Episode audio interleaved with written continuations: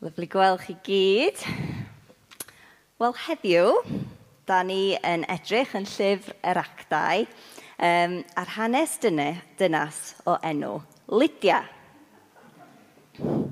A fel dwi'n siŵr, fedrwch chi dychmygu oedd na gyffro mawr yn tu ni, um, yn wedi yn, i un aelod o'r teulu pan oedd i clywed bod um, mam yn pregethu ar Lydia achos wrth gwrs y Lydia yma yn y Beibl oedd yr ysbrydoliaeth i ni enwi ein merch. Ni, deg mlynedd a hanner yn ôl um, yn enwi hi Lydia. Nawr mae rhai pobl wedi ama'n wahanol nath un o cymorthyddion ysgol Lydia llynydd gofyn iddi, o, ydy dy fam di'n fan mawr o Cymonwyd Field? Wel, yndi, meddai, ond pam? O, meddwl tyba ti wedi cael ei enwi ar ôl Lydia Thomas, sef mam. Wali Thomas. A dyma hi y ddynas ar y sgrin. Noswaith dda, iddyn nhw i gyd, mae'n dweud. Um, I ffrindiau ni o America, mae Come On Midfield yn cyfres enwog uh, poblogaidd comedi. A dy Lydia yma ddim y person, ellas, mwyaf ysbrydol, ysbrydioledig. Er oedd hi'n dynas cryf, doedd, yn ei, yn ei ffordd i hyd. Ta waith. Oce, okay, so be am i ni droi at y testyn? So, da ni'n Darllen bore yma o actau 16, adnodau 6-15. Paul yn cael gweledigaeth o ddyn o Macedonia. Teithiodd Paul a'i ffrindiau ymlaen ar hyd Cyrion, Ffrigia a Galatia, gan fod yr ysbryd glân wedi stopio nhw rhag mynd i dalaeth Asia i rannu ei neges. Dyma nhw'n cyrraedd ffin Mysia, gyda'r bwriad o fynd ymlaen i i Bithynia, ond dyma'r ysbryd glân Iesu yn ei stopio nhw rhag mynd yno hefyd. Felly dyma nhw'n mynd drwy misiau i lawr i ddinas Troas. Y noson honna cafodd Paul weledigaeth. Roedd dydd o Macedonia'n sefyll o'i flaen yn crefu arno. Tir draw i Macedonia i'n helpu ni. Felly, o ganlyniad i'r weledigaeth yma, dyma ni'n paratoi i fynd i Macedonia ar unwaith. Roeddwn ni wedi dod i'r casgliad, mae yno o roedd Dyw am i ni fynd i gyhoeddi'r newyddion da. Dyma ni'n hwylio o borthladd Troas a chroesi'n syth ar draws i ynys Samothrace gyn glanio yn Neapolis y diwrnod wedyn.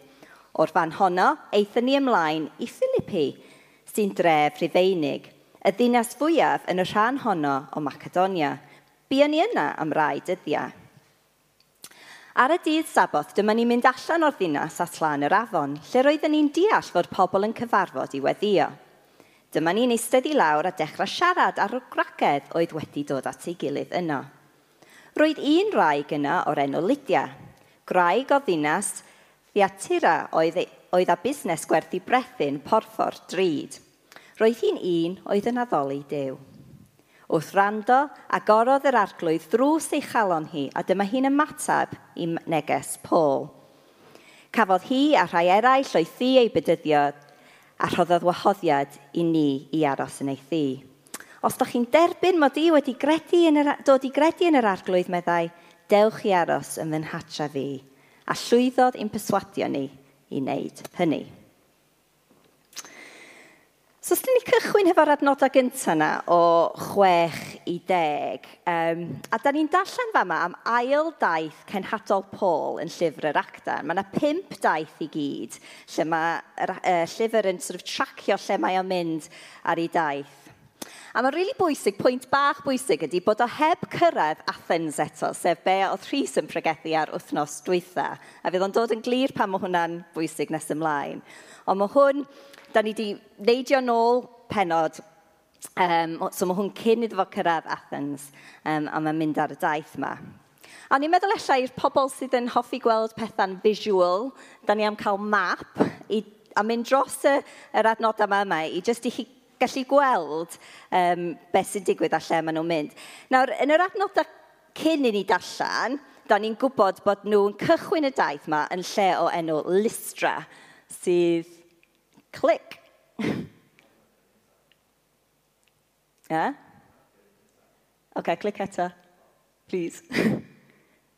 Yay! OK, diolch Rodri.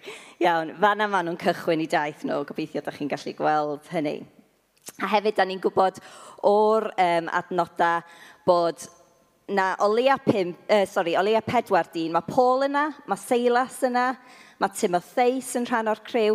A hefyd, dwi'n gwybod os nath chi sôn, nath y, y, y iaith newid o sôn am nhw i sôn am ni. A mae'r ni na'n golygu bod lyc yn rhan o'r criw hefyd, sef yr un um, y ddyn nath sgwennu llyfr yr actau. So dyma da ni'n gwybod, mae'r criw o'r dynia maen nhw'n cychwyn fa yma.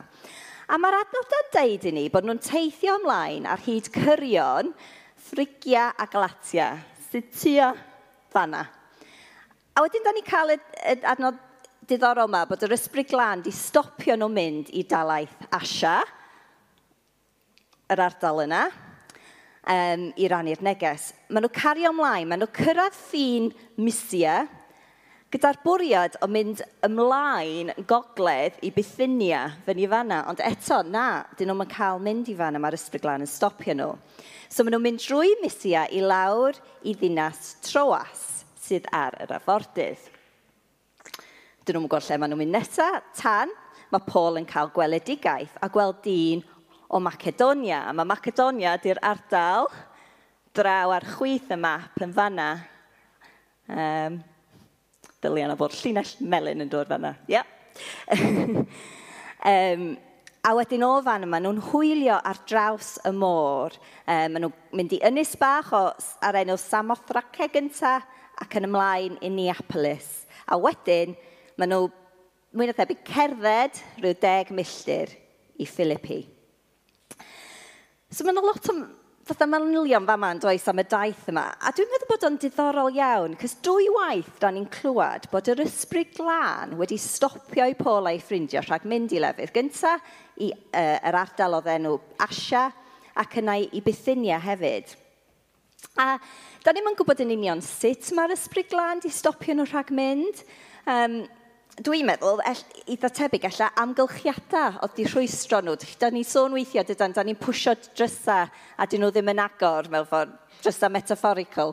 Um, ond rhyw sut maen nhw wedi cael i stopio rhag mynd. A sgwni sut oedden nhw'n teimlo? Dwi'n gwybod os da chi wedi teimlo galwad i wneud rhywbeth dros diw, a wedyn, da chi'n cael ei rhwystro mewn rhyw ffordd. A, ie, yeah, mae'n gallu bod yn anodd yn tydi. Dwi'n siŵr bod gennych chi gyd um, enghreifftiau ella o pan mae hynny wedi digwydd. Ond mae'r drws beth, pa bynnag ffordd, da ni ddim yn gwybod, maen nhw ddim yn cael mynd i'r ardaloedd yma.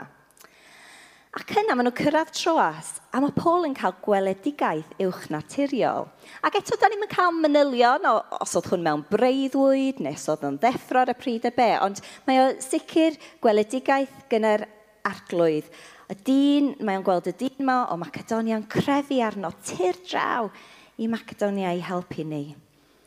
A wedyn, da ni'n darllen yn adnod deg, a neu darllen eto, o'r ganlyniad i'r weledigaeth, dyma ni paratoi fynd i Macedonia ar unwaith.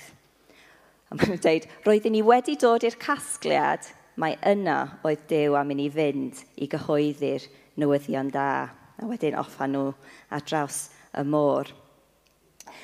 So maen nhw wedi pwysio drysa, maen nhw wedi trio mynd ffordd yma, dyn nhw'n cael, maen nhw wedi trio mynd ffordd yna, maen nhw'n cael, dyn nhw'n cael, maen nhw'n dod i'r lle yma, mae Paul yn cael y gweledigaeth. Ac yn amlwg mae wedi rhannu'r gweledigaeth gyda'i ffrindiau, cos mae o'n deud maen nhw'n dod i'r casgliad yn dydy. Maen nhw, ie, yeah, mae'n lyflu dwi'n meddwl, maen nhw wedi cael sgwrs efo'i gilydd, di gweddio, di pwysau mesur a di dod i'r uh, casgliad. A mae'n diddorol dydy sut mae Dyw yn arwain mewn gwahanol ffyrdd. Weithiau mae o trwy amgylchiadau ddim yn gadael ni mynd i rywle. Weithiau mae o'n rhyw gweledigaeth na gair na rhywbeth uwch naturiol.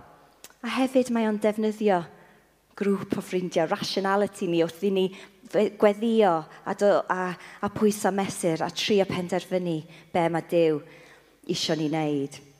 Pan oedd Paul a'i ffrindiau fo gadael listra ar cychwyn y daith, doedden nhw ddim yn gwybod. Dwi'n eisiau cario flaen i siarad, sef bod yn dawel.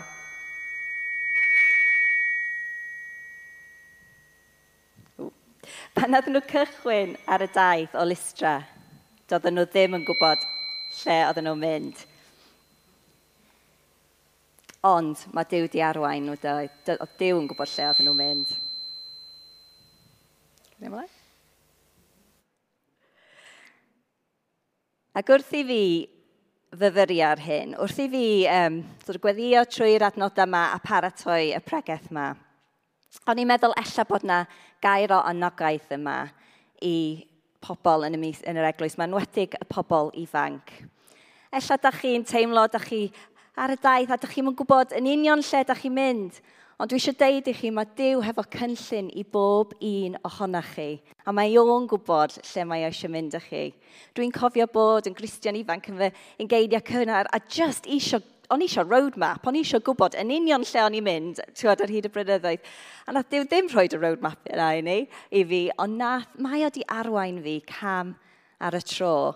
A fydd Dyw yn arwain chi. Os da chi yma heddiw a da chi'n gwybod cweud lle da chi'n mynd, a fydd Dyw yn arwain chi cam ar tro. Os mae drysa'n cael, peidiwch digaloni.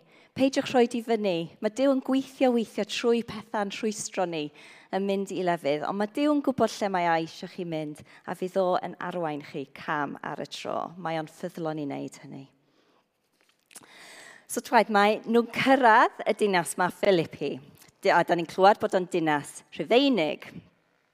A e, fel o'n i dweud, oedden nhw'n di disgwyl mynd i fanna i asio oedden nhw eisiau mynd, ond oedd Dyw di arwain nhw yna.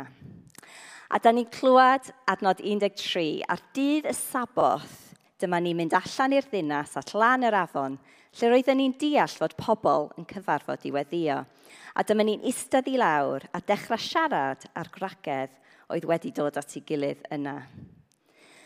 So yn aml yn llyfr actau, pan mae Paul a'i, a'i ffrindiau'n cyrraedd rola newydd, maen nhw tueddu mynd i'r synagog a cysylltu gyda'r um, poblogaeth iddewig yn y dref i gychwyn wrth i nhw cychwyn eu genhedaeth. Ond dyn nhw ddim yn mynd i'r synagog yn Philippi. Mae hwnna'n problem golygu, doedd na ddim un yna. Ond mae bynnag rheswm, o, o ran gyfraith iddewig, oedd angen di, deg dyn i cychwyn synagog, so ella doedd na ddim. Um, deg di, ond Does na ddim synagog, ond mae yna gymdeithas o bobl sydd yn addoli Dew. A felly mae, mae Paul maen nhw'n amlwg wedi clywed bod na'r y criw yn cyfarfod tu allan i'r dinas ar lan yr afon a maen nhw'n mynd yna. A maen nhw'n ffeindio grŵp o racedd yn gweddio gyda'i gyda gilydd. Mae hwnna'n delwedd, rhyw delwedd hyfryd ydy o'r grŵp o racedd yma yn addoli wrth ymyl afon yn yr awyr agored. Ac uh, A di Paul, mae Paul yn cyrraedd a mae'n diddorol dydiwm yn deud, o, oh, ges i weledigaeth o ddyn. Mae'n grŵp o fe merched fa yma, be dwi am wneud? Diom yn deud, o oh, na, be da ni am wneud efo hein, twod, come on, come on hogia, nôl i'r dinas, na ni'n mynd a na ni'n ffindio dynion. Na, maen nhw'n ymuno gyda'r grŵp o ragedd yma. A maen nhw'n rhannu am Iesu gyda nhw. Ac yna yn adnod 14, da ni'n cyfarfod y dynas yma o'n yw Lydia. A da ni'n dysgu eitha dipyn amdani hi, gymharu hefo y merched arall yn y Beibl, a hefo rhai dynion yn llyfr yr actau. Da ni'n clywed dipyn amdani. Da ni'n dysgu bod hi'n dod o uh, dinas o enw Theatira. A dwi'n gwybod os dwi'n deud hynny'n iawn. Ond oedd o yn yr ardal, yn dych chi'n cofio'r croes na mynd dros Asia, dyna yn canol fanna oedd y lle oedd Lydia yn dod o. A oedd y, y dref hi'n neu'r dinas hi mewn ardal arall oedd y enw Lydia. A mwy na thebyg dyna lle mae enw hi'n dod o, fel y Lydian, mewn ffordd, neu'r ddynas o Lydia. Um, os oedd pobl yn gweithio cael ei enwi ar, ar lle oedd nhw'n dod o, dyna mwy na thebyg pam oedd ei enw, pam oedd ei cael ei galw Lydia. Ond erbyn hyn, mae'n byw yn Philippi, ac eto mwy na thebyg o'i herwydd i swydd hi, mae hi yna, dyna da ni'n gallu cymryd o'r adnodau yma. Nawr, da ni gweld bod Lydia yn dynas busnes llwyddiannus. Mae'n gwerthu brethyn porffor drud. Nawr, o'r porffor yn yr amser yna fel heddiw, yn, yn lliw, lliw drud, lliw um, frenhinol. So oedd hi'n, ella bys ni'n galw fo high-end fashion dyddiau yma. Oedd hi'n oedd hi'n uh, gwerthu dillad i pobl pwerus, i arweinwyr. Oedd hi'n international trader, os da chi eisiau. A dwi'n meddwl mae'n fascinating, dwi wrth y modd yn clywed am um, tystiolaeth hanesyddol tu allan i'r Beibl sydd yn sort of matcha uh, cadarnhau stwff yn y Beibl, ond mae archeolegwyr wedi ffeindio inscriptions o ryw gild o bobl yn y drem a theatyra oedd yn lliwio defnydd. A ryw, um, mae yna dogfennau hanesyddol sy'n deud bod y dinas yma yn cael ei adnabod am y lliw porffor arbennig yma oedd nhw yn medru lliwio uh, brethyn. A da ni'n dysgu am, am Lydia bod hi yn un oedd yn addoli Dyw. Dwi'n caru'r adnod yna. Roedd hi un oedd yn addoli Dyw. Mae'n hyfryd. Mae hwn yn golygu mwy na thebyg bod hi yn credu a behafio fel iddew, ond bod hi ddim wedi um, dod yn iddew mewn ffordd swyddogol. Mae Paul yn cyfarfod hi, mae hi yn ar y saboth, mae'n anrhydeddu'r saboth. Oedd hi'n nabod Dyw, ond oedd hi ddim eto wedi clywed y newyddion da am Iesu. A mae Dyw wedi arwain Paul yn glir iawn i Philippi i hi cael glywed. A da ni dallan wrth rando a gorodd yr arglwydd ddrws ei chalon hi, a dyma hi'n ymateb i neges Paul. Nawr, mae yna wirionedd dofyn yn y geiriau yma, yma yn y brawddeg bach yma. Mae Dyw yn gweithio yn ei chalon hi a mae hi'n ymateb i neges Paul. Mae'r neges yn un Paul, mae'r geiriau yn geiriau Paul, mae hynny'n glir.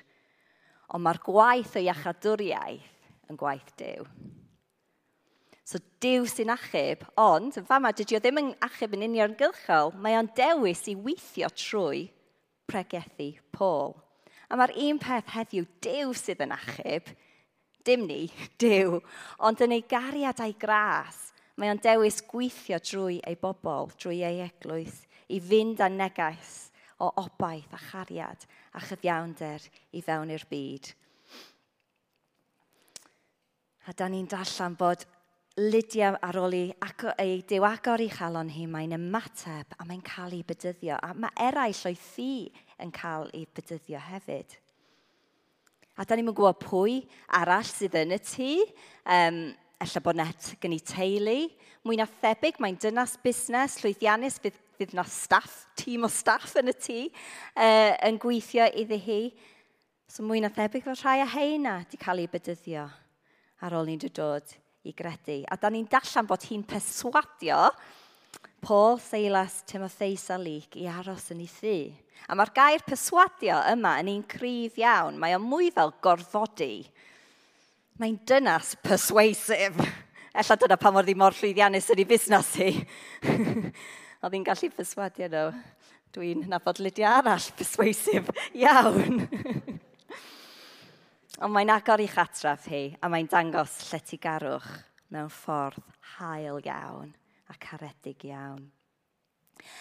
A os da ni darllen ymlaen o adnod 15, sgan i ddim amser i darllen ei gyd wan, ond na i wneud, na i wneud byr, cos mae'n ma diddorol. Basically, mae mae Paul a Silas yn allan yn, yn Philippi a maen nhw'n dod ar draws hogan sydd yn gaethferch a um, sy'n cefo ysbryd yn ei sy'n gallu rhagweld y dyfodol. A mae hi'n neud lot o arian i, fe, i feistri hi um, trwy hyn. A mae Paul yn deud yr ysbryd gadael hi a mae'r ysbryd yn gadael hi. Mae'r meistri yn, yn flin iawn, maen nhw wedi colli fy nhonell da o arian. Um, a maen nhw'n llusgo Paul a Silas o flaen yr awdur diodau, a maen nhw'n cuddo nhw o annog bobl i, i wneud pethau sy'n groes i'r um, arferion rhyddeiniaid. A maen nhw'n cael, mae'r pobl wedi mae'r, yn ymosod at Paul, mae'r dyrfa yn ymosod. A mae'r mae, mae Beibl yn deud bod nhw'n cael ei giro yn ddri, ddidrigaredd. So maen nhw'n rili really yn cael ei brifo gyda, a maen nhw'n cael ei taflud i'r carchar. Ac Yn lle meddwl, o, oh, well i ni cadw low profile yn fama, yn canon nos, maen nhw'n canu mawl i ddew, a maen nhw'n gweddio. Mwy, na, mwy o sydyn, mae yna deacryn, mae'r drysan fflu ar agor, mae cadwyn nhw disgyn i ffwrdd, mae swyddog y carchar yn deffro, gweld hyn i gyd, meddwl, o, oh, dwi am cael bai mawr am hyn, mae am lladd i hun, a mae Paul yn dweud, stop, pa i wneud dim byd, da ni yma. Mae'r dyn ma'n dod yn gristion, mae'n mynd â nhw adra, y Paul a Silas i'w ddio, mae dio i gyd yn dod yn gristnogion, maen nhw'n cael eu bedyddio, mae dal yn canol nos.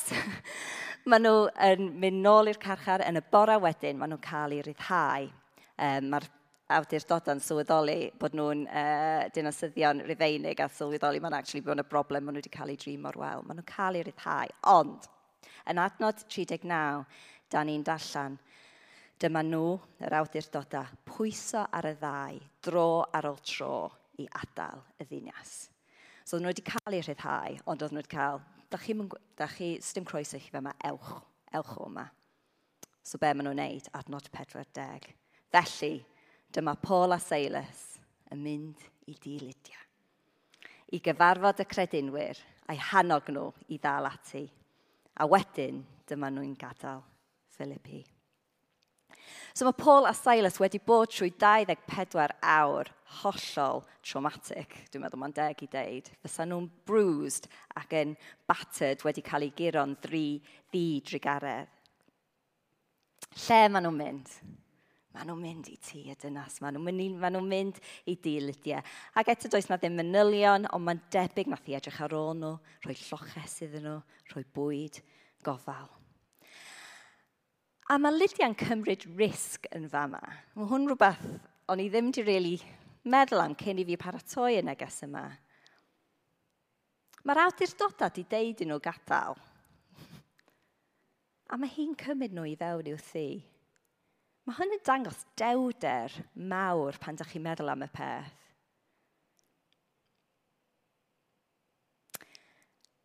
Ac yn tŷ, Lydia, mae Paul a Silas yn cyfarfod y credinwyr. Roedd y credinwyr yn Philippi hefo'i gilydd yn hi Lydia. A mae'n debyg, a dwi'n meddwl bod o'n casgliad teg i wneud, bod hyn ydy cychwyn yr eglwys cyntaf yn Philippi.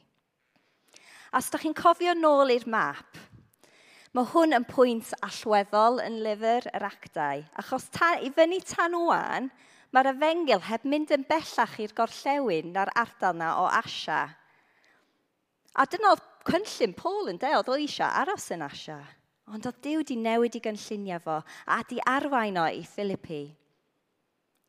A dyma'r pwynt lle mae'r efengil wedi symud dros y dŵr. Hyd y gwyddwm ni, Lydia ydy'r Cristion gyntaf yn Ewrop. A hanes troiadigaeth Lydia ydy hanes cychwyn yr eglwys, dim just yn Philippi, ond cychwyn yr eglwys yn Ewrop. A dyna pam oedd o'n bwysig i fi dweud oedd o ddim wedi fynd i Athens eto um, tan ar ôl pwynt yma. So mae hwn yn pwynt um, bwysig yn y hanes. So wrth i ni gloi, Be fedrwn ni dysgu o hyn? Wel, mae gennau dau bwynt o beth o'n i'n medru dysgu o Lydia a dau bwynt byr o beth o'n i'n gallu dysgu o'r eglwys nath cychwyn yn Philippi. Y peth gyntaf am Lydia, mae'n dynas sy'n rhoi bopeth, dydy. Mae di dod yn Gristion, a di ddim jyst yn credu, a dyna ni. Mae'n credu a mae'n hollol all in. Mae'n hollol sold out i'r efengil. Mae ffydd hi'n arwain at gweithgareddau. Mae'n cychwyn gyda hi'n perswadio, neu gorfodi, Paul a'i ffrindiau i aros gyda hi. A mae'n mynd ymlaen i gynnal um, y cyd credinwyr efo'i gilydd yn ei thu hi. Mae'n rhoi ei adnoddau, mae'n rhoi ei chatref, ei lletigarwch, ei sgiliau, ei rhoddion. Mae'n rhoi, mae rhoi nhw i'r arglwydd. A fel o'n i'n deud o'r blaen, mae'n dynas dewr. Mae'r lletygarwch ma'n cymryd dewder mawr. Hyd yn oed cyn i Paul a Silas dod yn ex-convicts, oedd, nhw, oedd gwahodd dyn o grŵp o ddynion estron i fewn i thu hi, wedi o bosib achosi sgandal. sa enw da hi a busnes hi, actually, mewn perygl. So mae hi'n risgio hynny. A yna sicr dewder sy'n nath i cymryd nhw i fewn ar ôl iddyn nhw bod yn y carchar. So be amdano ni?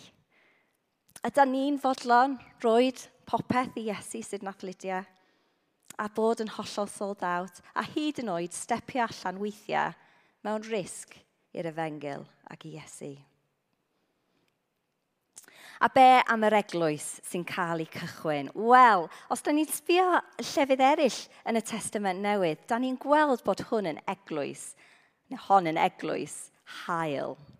Mae'n deud yn Philippiaid 4, 15-16, so mae hwn yn llythyr, mae Paul yn sgwennu at yr eglwys yn Philippi ar ôl blynyddoedd ar ôl iddo fo gadael. A mae'n cyfeirio atyn nhw fel hyn, mae'n deud, yn y dyddiau cynnar – pan glywach chi'r newyddion da gyntaf, pan adawais i Macedonia, chi yn Philippi oedd yr unig rhai wnaeth fy helpu. Dych chi'n gwybod hynny'n iawn, hyd yn oed pan oeddwn ni yn Thessalonica, dyma chi'n anfodd rhodd atai sal tro. Roedd Philippi yr unig eglwys nath Paul derbyn cefnogaeth ariannol o ddiar. Mae Paul yn defnyddio heilioni y Philippiaid wedyn i dysgu ac annog yr eglwys yn Corinth. Yn 2 Corinthiaid 8, da ni'n dallan, dwi eisiau dweud wrthych chi, frodydd a chwiorydd, am y ddawn o heilioni mae Dyw wedi roi i'r eglwysi yn halaeth Macedonia. Er eu bod nhw wedi bod trwy amser caled ofnadwy, roedd eu llawenydd nhw'n gorlifo yng nghanol tlodi eithafol. Bu nhw'n anhygoel a hael. Dwi'n deud wrthych chi bod nhw wedi rhoi gymaint ac oedden nhw'n gallu efforddio. Do a mwy. So, da ni'n gwybod o hynny, mae'r eglwys gychwynodd yn hi yn eglwys llawn heilion ni. Eglwys sydd yn roi yn y berthol. A maen nhw'n cael eu defnyddio fel enghraifft i eglwysi eraill. Am sut i fyw, am legacy, ynde? A'r pwynt ola, So eg eglwys hael, pwynt ola, eglwys gyfartal. Nath Dyw dewis Lydia fel Cristion gynta Ewrop i gychwyn a, a chynnal eglwys yn ei thi. A pan dwi'n dallan am yr eglwys fora, yn yr actau ac yn llyfrau arall y Testament Newydd, dwi'n gweld Dyw yn galw merched a dynion. A dwi'n gweld merched a dynion yn gwasanaethu, yn wynidogaethu ac yn arwain, ochr wrth ochr yn hollol gyfartal. A dwi'n ddiolchgar iawn i fod rhan o eglwysydd dilyn y model yma. So, gad i ni gloi. A dwi eisiau annog ni gyd, gad i ni gyd, merched a dynion, bod mwy fel Lydia. Gad i ni bod yn bobl sy'n yn sold out i'r efengil, sy'n fodlon roi ein popeth. A gad i ni fod yn yr eglwys hael a charedig fel yr un nath tyfu allan o'r digwyddiad yma. Da ni wedi darllen am bore yma. Amen.